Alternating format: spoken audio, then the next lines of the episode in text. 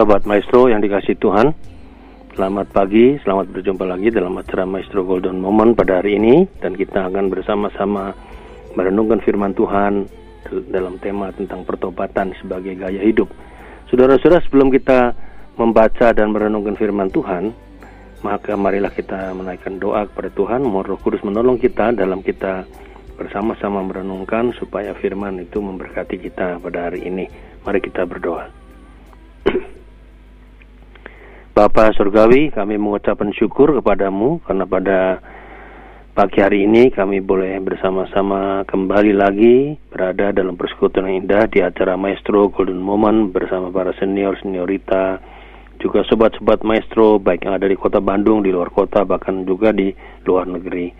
Kami mengucapkan syukur dan karena berkatmu ya Tuhan nyata pada kami sehingga sampai hari ini Tuhan masih memberikan kepada kami dan menitipkan kepada kami sebuah kehidupan yang merupakan sebuah kesempatan bagaimana kami boleh berbuah di dalam kehidupan kami.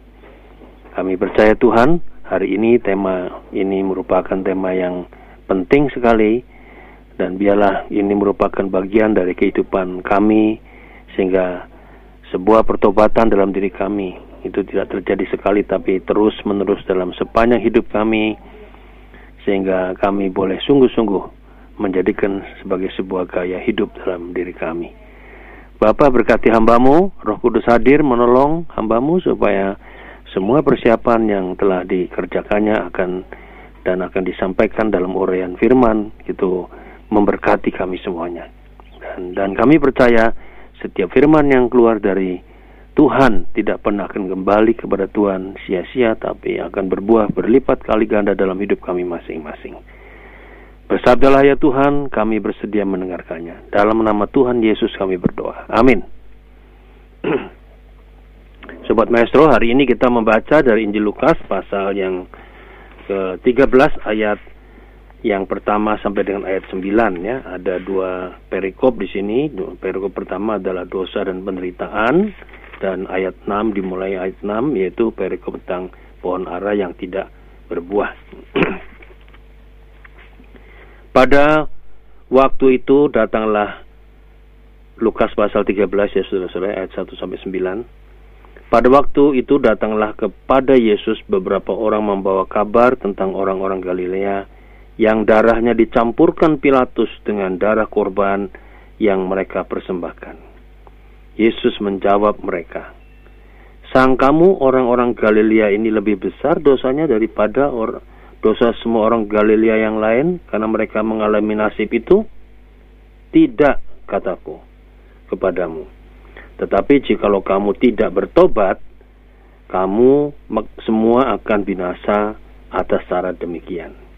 Atau sang kamu ke-18 orang yang mati ditimpa menara dekat Siloam, lebih besar kesalahannya daripada kesalahan semua orang lain yang diam di Yerusalem? Tidak, kataku kepadamu. Tetapi jikalau kamu tidak bertobat, kamu akan binasa atas cara demikian. Lalu Yesus mengatakan perumpamaan ini. Seorang mempunyai pohon ara yang tumbuh di kebun anggurnya dan ia datang untuk mencari buah pada pohon itu, tetapi ia tidak menemukannya. Lalu ia berkata kepada pengurus kebun anggur itu, Sudah tiga tahun aku datang mencari buah pada pohon ara ini, dan aku tidak menemukannya. Tebanglah pohon ini, untuk apa ia hidup di tanah ini dengan percuma? Jawab, jawab orang itu, Tuhan, biarkanlah dia tumbuh tahun ini lagi. Aku akan mencangkul tanah sekelilingnya dan memberi pupuk kepadanya. Mungkin tahun depan ia berbuah jika tidak, tebanglah dia. Saudara-saudara, demikianlah seluruh pembacaan firman Tuhan dari Injil Lukas pasal 13 ayat 1 sampai 9. Yang berbahagia ialah yang mendengar firman Tuhan serta memeliharanya dalam kehidupannya sehari-hari. Haleluya. Saudara-saudara, pertobatan sebagai gaya hidup. Ya, ya kalau kita bicara ini, maka saudara saya saya mulai begini. Sejak dari zaman dulu sampai sekarang, dulu ya, sampai sekarang sampai hari ini, hampir semua orang atau masyarakat umum memandang bahwa malapetaka, kecelakaan, bencana, sakit, penyakit, penderitaan, kesulitan hidup, kesusahan, apa pun yang pokoknya jelek dalam diri manusia, itu sebagai tanda bahwa orang yang mengalaminya punya dosa atau kesalahan tertentu. Semakin tragis malapetaka, maka dipahami semakin besar dosa seseorang. Ya, ingat Ayub juga pernah juga di apa namanya ditanya begitu oleh sobat-sobatnya, kamu ini dosa apa sampai seperti ini pengalaman malapetaka yang besar ini, penderitaan yang dahsyat dari Ayub itu. Jadi, saudara-saudara penderitaan itu dari dulu sampai sekarang itu diyakini oleh masyarakat umum sebagai hukuman dari dosa. Ya, sehingga orang mengatakan, Tuhan, saya kok kena musibah ini ya? Dosa saya apa Tuhan? Ya. Padahal mungkin musibah itu adalah karena bisa saja karena keteledoran manusia yang tidak hati-hati. Misalnya orang kecelakaan nyetir mobil ya karena ngantuk sedikit ya bisa aja kecelakaan terjadi. Teledor kan itu ya. Tetapi sering kali ketika kita bertanya itu kemudian yang disalahkan seolah-olah Tuhan yang punya kerjaan ya. Nah ini. Jadi kenapa pandemi masih terjadi sudah lebih dari dua tahun Kok Tuhan tidak dengar doa-doa kami dan cerita umat manusia di seluruh muka bumi? Nah, lagi-lagi Tuhan yang jadi sasaran manusia. Ya, padahal kita sendiri tidak mengerti mengapa ada pandemi. Sebab banyak spekulasi yang mengatakan COVID-19 ini dibuat manusia. Ada yang mengatakan juga COVID-19 ini adalah senjata biologis untuk memusnahkan manusia karena manusia sekarang sudah tujuh setengah miliar penduduknya di muka bumi ini. Ada spekulasi yang dihubungkan dengan agama bahwa COVID-19 diizinkan Tuhan karena kejahatan manusia sudah makin besar dan kecenderungan hati manusia mengarah pada kejahatan semata-mata.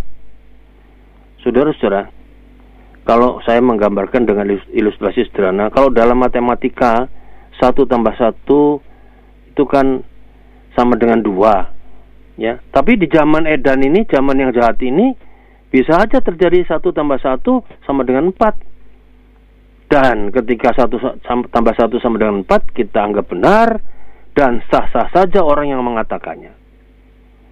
Saudara-saudara masyarakat memandang musibah, malapetaka, bencana, penderitaan, sakit dan semuanya itu yang mengakibatkan aib sebagai tanda orang berdosa dan masyarakat cenderung menghakimi mereka yang mengalami penderitaan itu. Orang yang mengalami keadaan itu ibarat sudah jatuh tapi malah tertimpa tangga karena dihakimi oleh manusia. Sebaliknya masyarakat memandang bahwa orang yang baik tidak pernah mengalami malapetaka dan penderitaan. Ya. Contoh dalam Alkitab ada itu. Ya, dalam Yohanes Injil Yohanes pasal 9 ayat 2 di mana ada orang buta sejak lahir, lalu orang banyak itu mengatakan bertanya kepada Yesus, "Guru, ini dosanya siapa ini orang buta sejak lahir ini?" dosa dirinya sendiri atau dosa orang tuanya.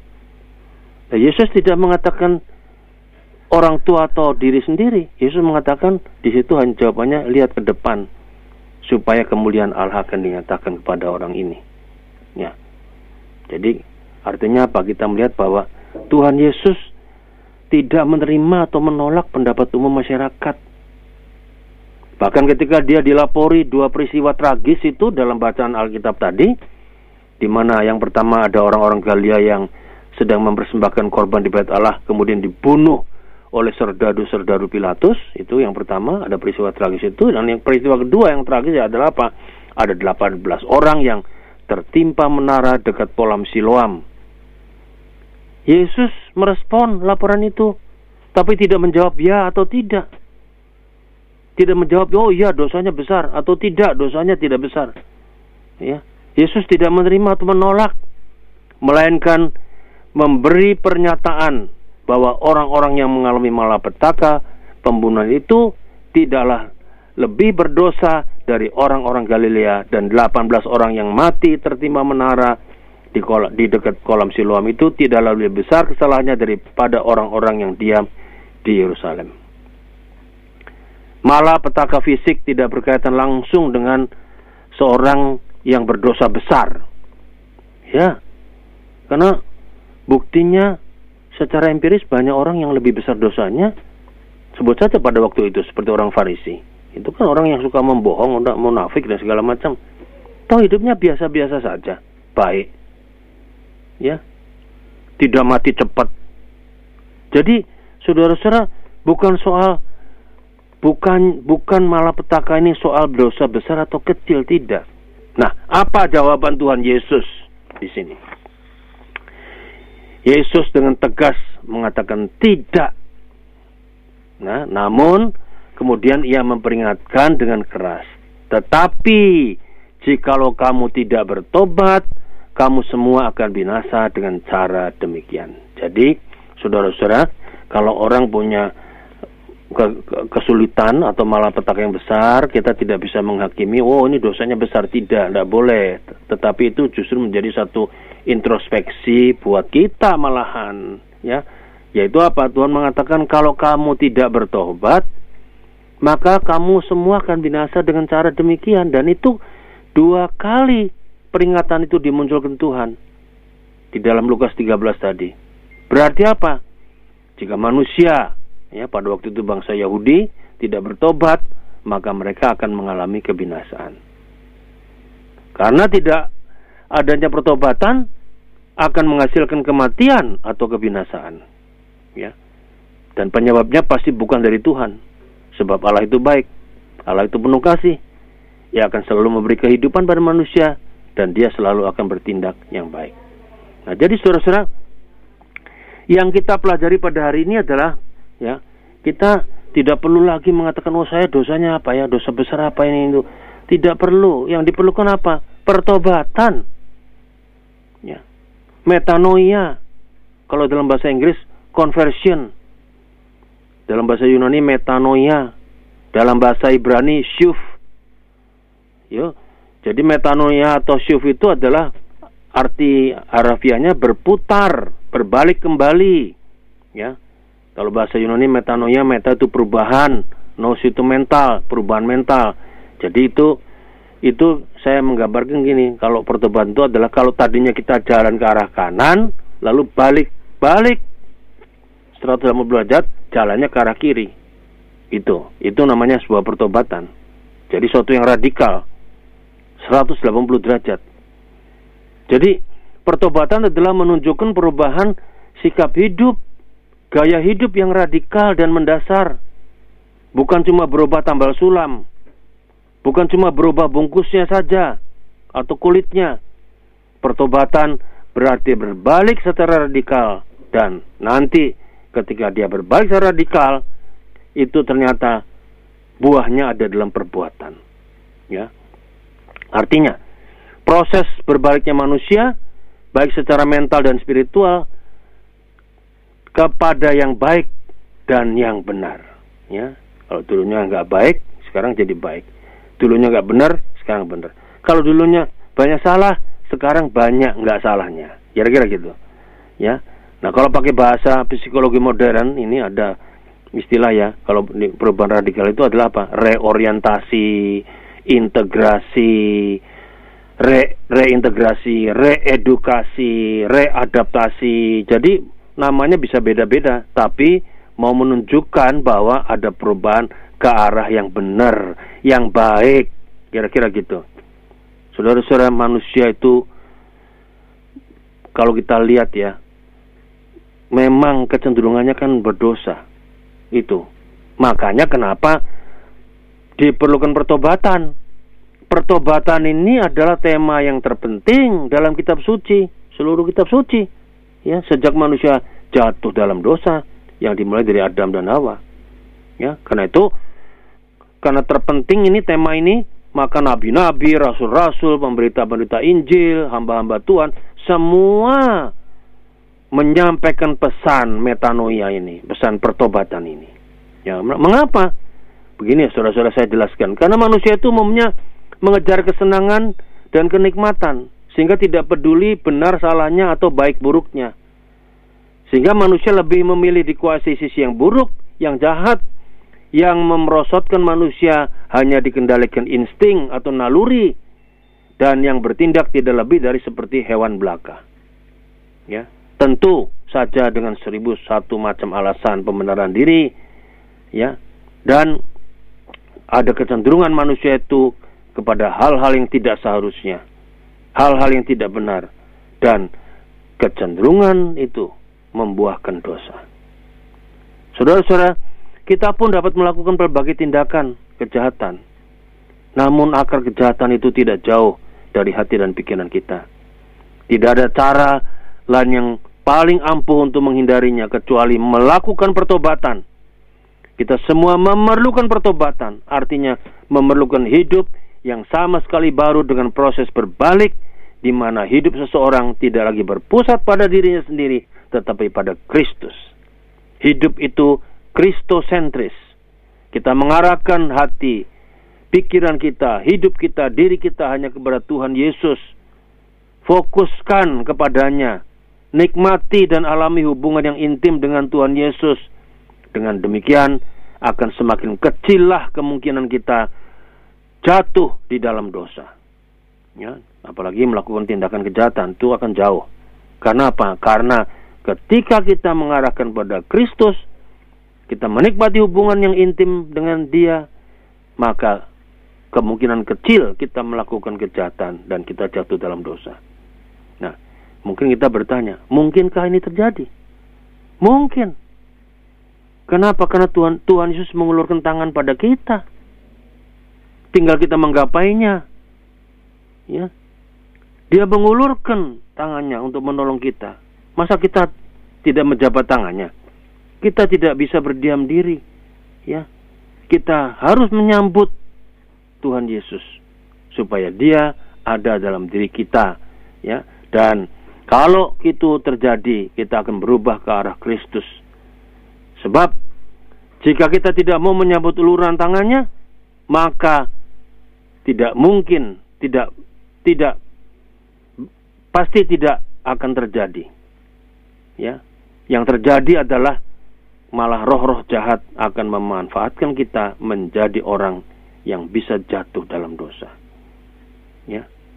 Dan kita dalam Alkitab selalu mengatakan tidak ada orang yang jahat luput dari hukuman kecuali bertobat, berbalik dan berubah ke arah Kristus. Nah, tentu kita bertanya, bagaimana pertobatan itu sebagai sebuah gaya hidup bisa terjadi? Saya menganalogikannya dengan rambu-rambu lalu lintas. Ya rambu di pertama ram, di rambu-rambu lalu lintas itu kan ada stop tanda stop forbidden ya tanda tidak boleh terus itu, artinya apa? Kita mesti stop dari dosa. Kita sadar kita menyesal akan dosa kita. Stop. Ya. Itu penting. Kalau kita nggak stop tidak tidak mungkin ada pertobatan sebagai sebuah gaya hidup. Kita stop dulu itu. Setelah stop, kita tahu ada rambu apa? Rambu tanda cross, tanda silang.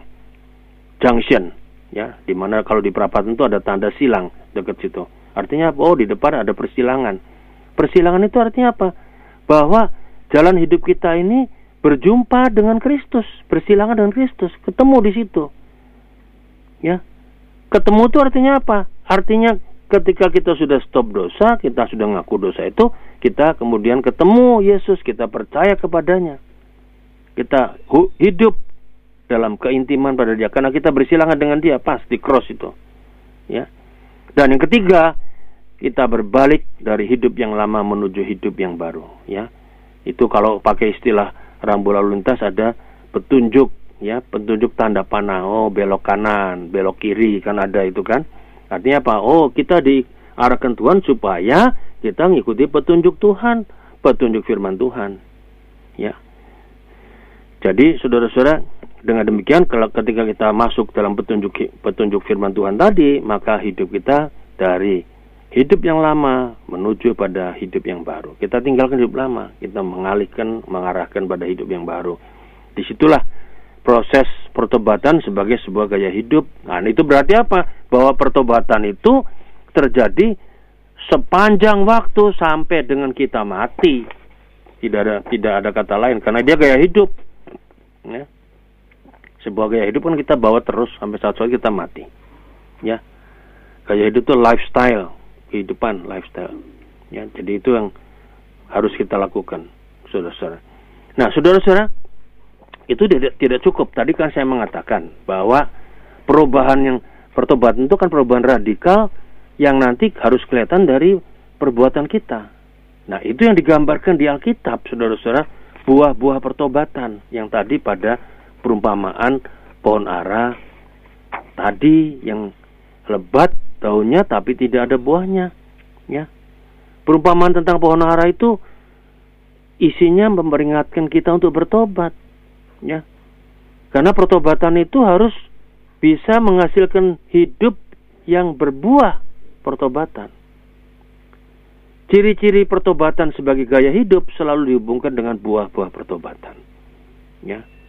Ya kita kelihatan kalau kita dalam hidup kita kalau kita gaya hidup kita lifestyle kita misalnya sebagai seorang yang tukang naik gunung misalnya ya maka kelihatan itu buah-buahnya kelihatan gaya hidup itu dalam buah-buahnya. Oh ya, kalau naik gunung apa berarti bangun sering kali lebih pagi, lalu mencari tempat-tempat ke arah gunung, ya. Pak cara berpakaian pun juga tidak seperti orang ke pesta, itu lifestyle. Ya, satu gaya hidup. Ya. Setiap orang yang bertobat itu adalah mereka yang sudah mati bagi dirinya sendiri dan hidup bagi Allah. Hanya manusia yang hidup bagi Allah yang dapat menghasilkan buah-buah bagi kerajaan Allah. Yang Allah cari dalam diri kita adalah buah pertobatan. Tuhan menyatakan keselamatannya bagi kita sebagai manusia bukan supaya kita mendapat pujian, tetapi supaya nama Tuhan dimuliakan di dalam kehidupan kita masing-masing. Saudara, ternyata Tuhan Yesus dalam perumpamaan tadi itu orang yang punya kebun arah tadi tidak menemukan buah ya di antara daun-daun yang begitu lebat. Jika melihat dari luar pohon yang besar dan daun yang lebat, maka ada harapan bahwa pohon itu pasti akan memberi buah yang baik untuk dinikmati. Namun ternyata tidak ada, tidak ada buah yang bisa diharapkan. Ternyata pohon tersebut hanya berdaun lebat, tapi tidak berbuah. Coba saudara-saudara, mari kita lihat diri kita. Apakah kita dalam hidup ini hanya sekedar tumbuh, subur, ya, kaya, sehat, semua bagus, dan daunnya lebat begitu kan? Rasanya jadi indah hidup kita itu dalam arti yang lahiriah saja. Lalu Tuhan tidak menemukan apa-apa dari buah pertobatan hidup kita. Ya hati-hati. Sebab banyak orang yang sehat yang kaya yang kelihatan sukses berhasil itu mungkin jangan-jangan mereka hasilnya bukan dari apa namanya bukan melihat memperlihatkan buah pertobatan tapi buah-buah kejahatan yang didapat dari situ sehingga mereka bisa sukses seperti itu yang diberikan dunia pada mereka. Tidak.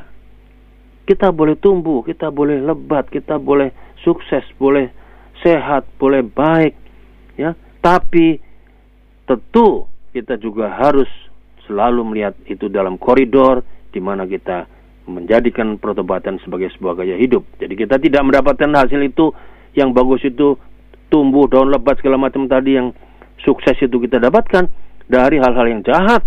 Tidak. Kita harus menghasilkan buah-buah pertobatan dalam hidup kita. Ibarat pohon ara yang tidak menghasilkan buah, kita juga pasti akan ditebang. Ya, kalau saudara-saudara tumbuh subur, daunnya lebat, itu ibarat kita seperti orang yang kelihatannya baik, orang yang sehat, orang yang kaya, orang yang mungkin banyak memberikan bantuan sosial pada siapa pun, tapi ternyata itu semua adalah dari hasil kejahatan dan bukan dari buah pertobatan. Hati-hati. Jangan-jangan kita nanti ditebang oleh Tuhan. Ya.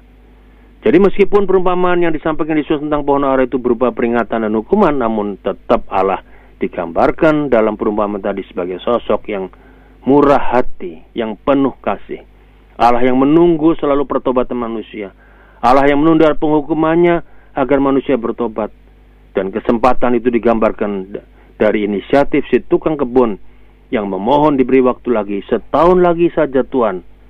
Saya akan mencoba untuk merawatnya, memupuknya supaya nanti tahun depan Tuhan melihat buahnya. Gaya hidup pohon ara ya adalah tumbuh berdaun lebat tetapi harusnya juga berbuah. Harusnya berbuah. Karena itu dimintakan oleh tukang kebun itu kepada majikannya. Karena Allah kasih. Kita kadang-kadang melihat, Tuhan kenapa kok orang itu kok jahat, orang itu nggak pernah bertobat, orang itu ini kok umurnya bisa panjang. Tuhan itu menunggu, ya, diberi waktu lagi oleh Tuhan. Tapi kalau pada waktunya tidak digunakan dengan baik, ya, pasti Tuhan akan memberikan hukumannya. Makanya dikatakan di situ, jikalau kamu tidak bertobat di dalam Injil Lukas pasal 13 itu pada ayat yang ke dua kali Tuhan Yesus mengatakan, jikalau kamu tidak bertobat, kamu semua akan binasa atas cara demikian. Ayat yang kelima, tetapi jikalau kamu tidak bertobat, kamu semua akan binasa atas cara demikian. Nah, perhatikan, tidak ada tidak ada dosa yang tidak mendapat hukuman kecuali kita bertobat. Dan hati-hati, kita sering kali melakukan banyak hal yang kelihatannya sepele. Misalnya kita gini, kita suka bohong misalnya. Kita kalau kita bohong, dan terus-menerus kita lakukan, kita akan merasa tidak bersalah. Sehingga kita tidak melakukan pertobatan. Hati-hati. Itu akan dikejar oleh Tuhan. Kita mungkin akan cara, binasa seperti cara delapan orang apa namanya orang darah orang-orang yang Galilea yang dibunuh sudah sudah Pilatus atau juga seperti yang orang-orang yang jatuh tertimpa menara di kolam Siloam. Nah, saudara-saudara, saya akan menutup dengan mengakhiri sebuah kisah pertobatan. Pertobatan itu bisa terjadi kapan saja sebagai sebagai gaya hidup. Kita ingat bahwa seorang penjahat di sebelah Tuhan Yesus ketika pada the last minute detik terakhir dia bertobat, dia masuk pada kemuliaan, dia nggak jadi binasa. Harusnya dia dapat hukuman setimpal, tapi tidak, dia masuk kemuliaan Tuhan. Saudara-saudara, saudara mungkin pernah mendengar uh, apa namanya uh, kisah tentang bagaimana gerai Kentucky Fried Chicken KFC itu ada di mana-mana di seluruh muka bumi. Gerainya di Indonesia aja ratusan, di seluruh dunia itu ribuan, ya. Sampai-sampai ibu-ibu kalau menggoreng ayam itu bertepung kemudian disebut ayam goreng Kentucky, ya. Nah, saudara-saudara, ini tokoh sangat terkenal. Dia adalah tadinya dia adalah kolonel, ya, atau tentara lah kolonel dengan pangkat kolonel yang namanya Harlan Sanders dari Kentucky, Amerika Serikat. Nah, saudara-saudara kolonel ini ibarat kelapa itu makin tua makin berguna. Jadi ketika dia sudah pensiun, dia mulai bisnisnya pada usia pensiun yaitu 65 tahun. Ya. Dan ternyata saudara-saudara pada usia 65 tahun itu dia bisnisnya sukses ya, mengumpulkan meraup uang jutaan dolar. Ya. Tetapi saudara-saudara, dalam hidupnya ternyata kekayaannya itu tidak bisa memberi kedamaian. Ya, malahan ternyata dia malah mempunyai kebiasaan buruk, yaitu apa? Suka mengutuk dan mengucapkan sumpah serapah. Padahal kutukan dan sumpah serapah yang dilakukannya itu tidak memecahkan masalah, malah menimbulkan masalah baru, membuat orang lain terluka. Sebetulnya dia menyadari bahwa hal itu nggak bagus. Tapi dia terbelenggu dengan kebiasaan itu. Kebiasaan mengutuk dan mengucapkan sumpah serapa itu. Sehingga tidak keluar dari tidak bisa keluar dari belenggu itu. Tapi saudara-saudara ternyata ada satu yang merubah kehidupannya. Ya. Dan ini menurut saya karya roh kudus. Karya Kristus sendiri. Ya. Pada suatu malam di usia 80 tahun saudara-saudara. Ya ia mengalami keadaan perasaan yang hidupnya putus asa dalam hidupnya ya padahal kalau dipikir dia kurang apa ya dan pada waktu saat tersiksa dan putus asa itu dalam hidupnya dia kemudian keluar rumah mengendari mobil nggak tahu tujuannya ke mana nggak jelas karena galau dan gelisah dia dia sambil galau sambil gelisah dia berdoa tapi nggak nggak pernah konsentrasi jadi tetap kegelisahan ada kegalauan ada nah tanpa sengaja saudara-saudara dia melewati suatu tempat di mana di situ ada sebuah gereja. Entah kenapa dia tergerak untuk masuk halaman gereja dan memarkir mobilnya. Dan sambil berjalan ayah dengan dalam sunyi tadi senyap tadi dia memasuki gereja dan ternyata ada kebaktian sedang berlangsung. Ya, setelah sang pendeta mengakhiri ibadah dengan doa, ia berjalan ke depan mimbar, bertelut dan berdoa kepada Allah. Doanya sederhana, dia hanya mohon belas kasihan dan pertolongan Tuhan. Doa yang sangat sederhana. Sesederhana pula itu juga dia merasakan pengampunan, kedamaian, ya, kelepasan dari siksaan itu dengan keyakinan bahwa kasih Allah begitu besar kepadanya. Dan sejak saat itu, detik itu, ia bertobat dan tidak lagi pernah mengutuk dan mengucapkan kata-kata sumpah serapah kepada sesama manusia. Dan ini ini sebetulnya mujizat ya. Dari kesaksian ini kita tahu bahwa orang bisa orang bisa bertobat pada usia berapa saja ya. Tapi ternyata ketika dia bertobat lahir baru dia lepas dari kebiasaan buruknya yaitu mengucapkan sumpah serapah dan mengutuki orang. Saudara-saudara, sejak saat itu Kolonel Harlan Sander itu mengalami gaya hidup baru pada usia 80 tahun. Ya, dengan kebiasaan yang baru yang bagus lagi, bukan menjadi batu sandungan bagi orang lain, bukan melukai orang lain, tapi menyerahkan seluruh kehidupannya di usia 80 tahun itu kepada Allah yang Maha Kasih. Dan ternyata Allah yang Maha Pengampun, Maha Pengasih itu memperbarui hidupnya. Dia menemukan sebuah gaya hidup pertobatan. Sudah semarilah kita belajar dari sini. Ya, karena pertobatan itu adalah satu yang penting. Penting sekali. Itu tema utama dalam Alkitab dari dulu sampai sekarang. Dan karena kalau kita tidak bertobat, mustahil kita masuk kerajaan Allah. Karena itu marilah kita belajar menjadikan pertobatan sebagai sebuah gaya hidup, lifestyle kita. Sehingga apa? Sehingga nanti pada waktunya kita memasuki kemuliaan Tuhan. Amin.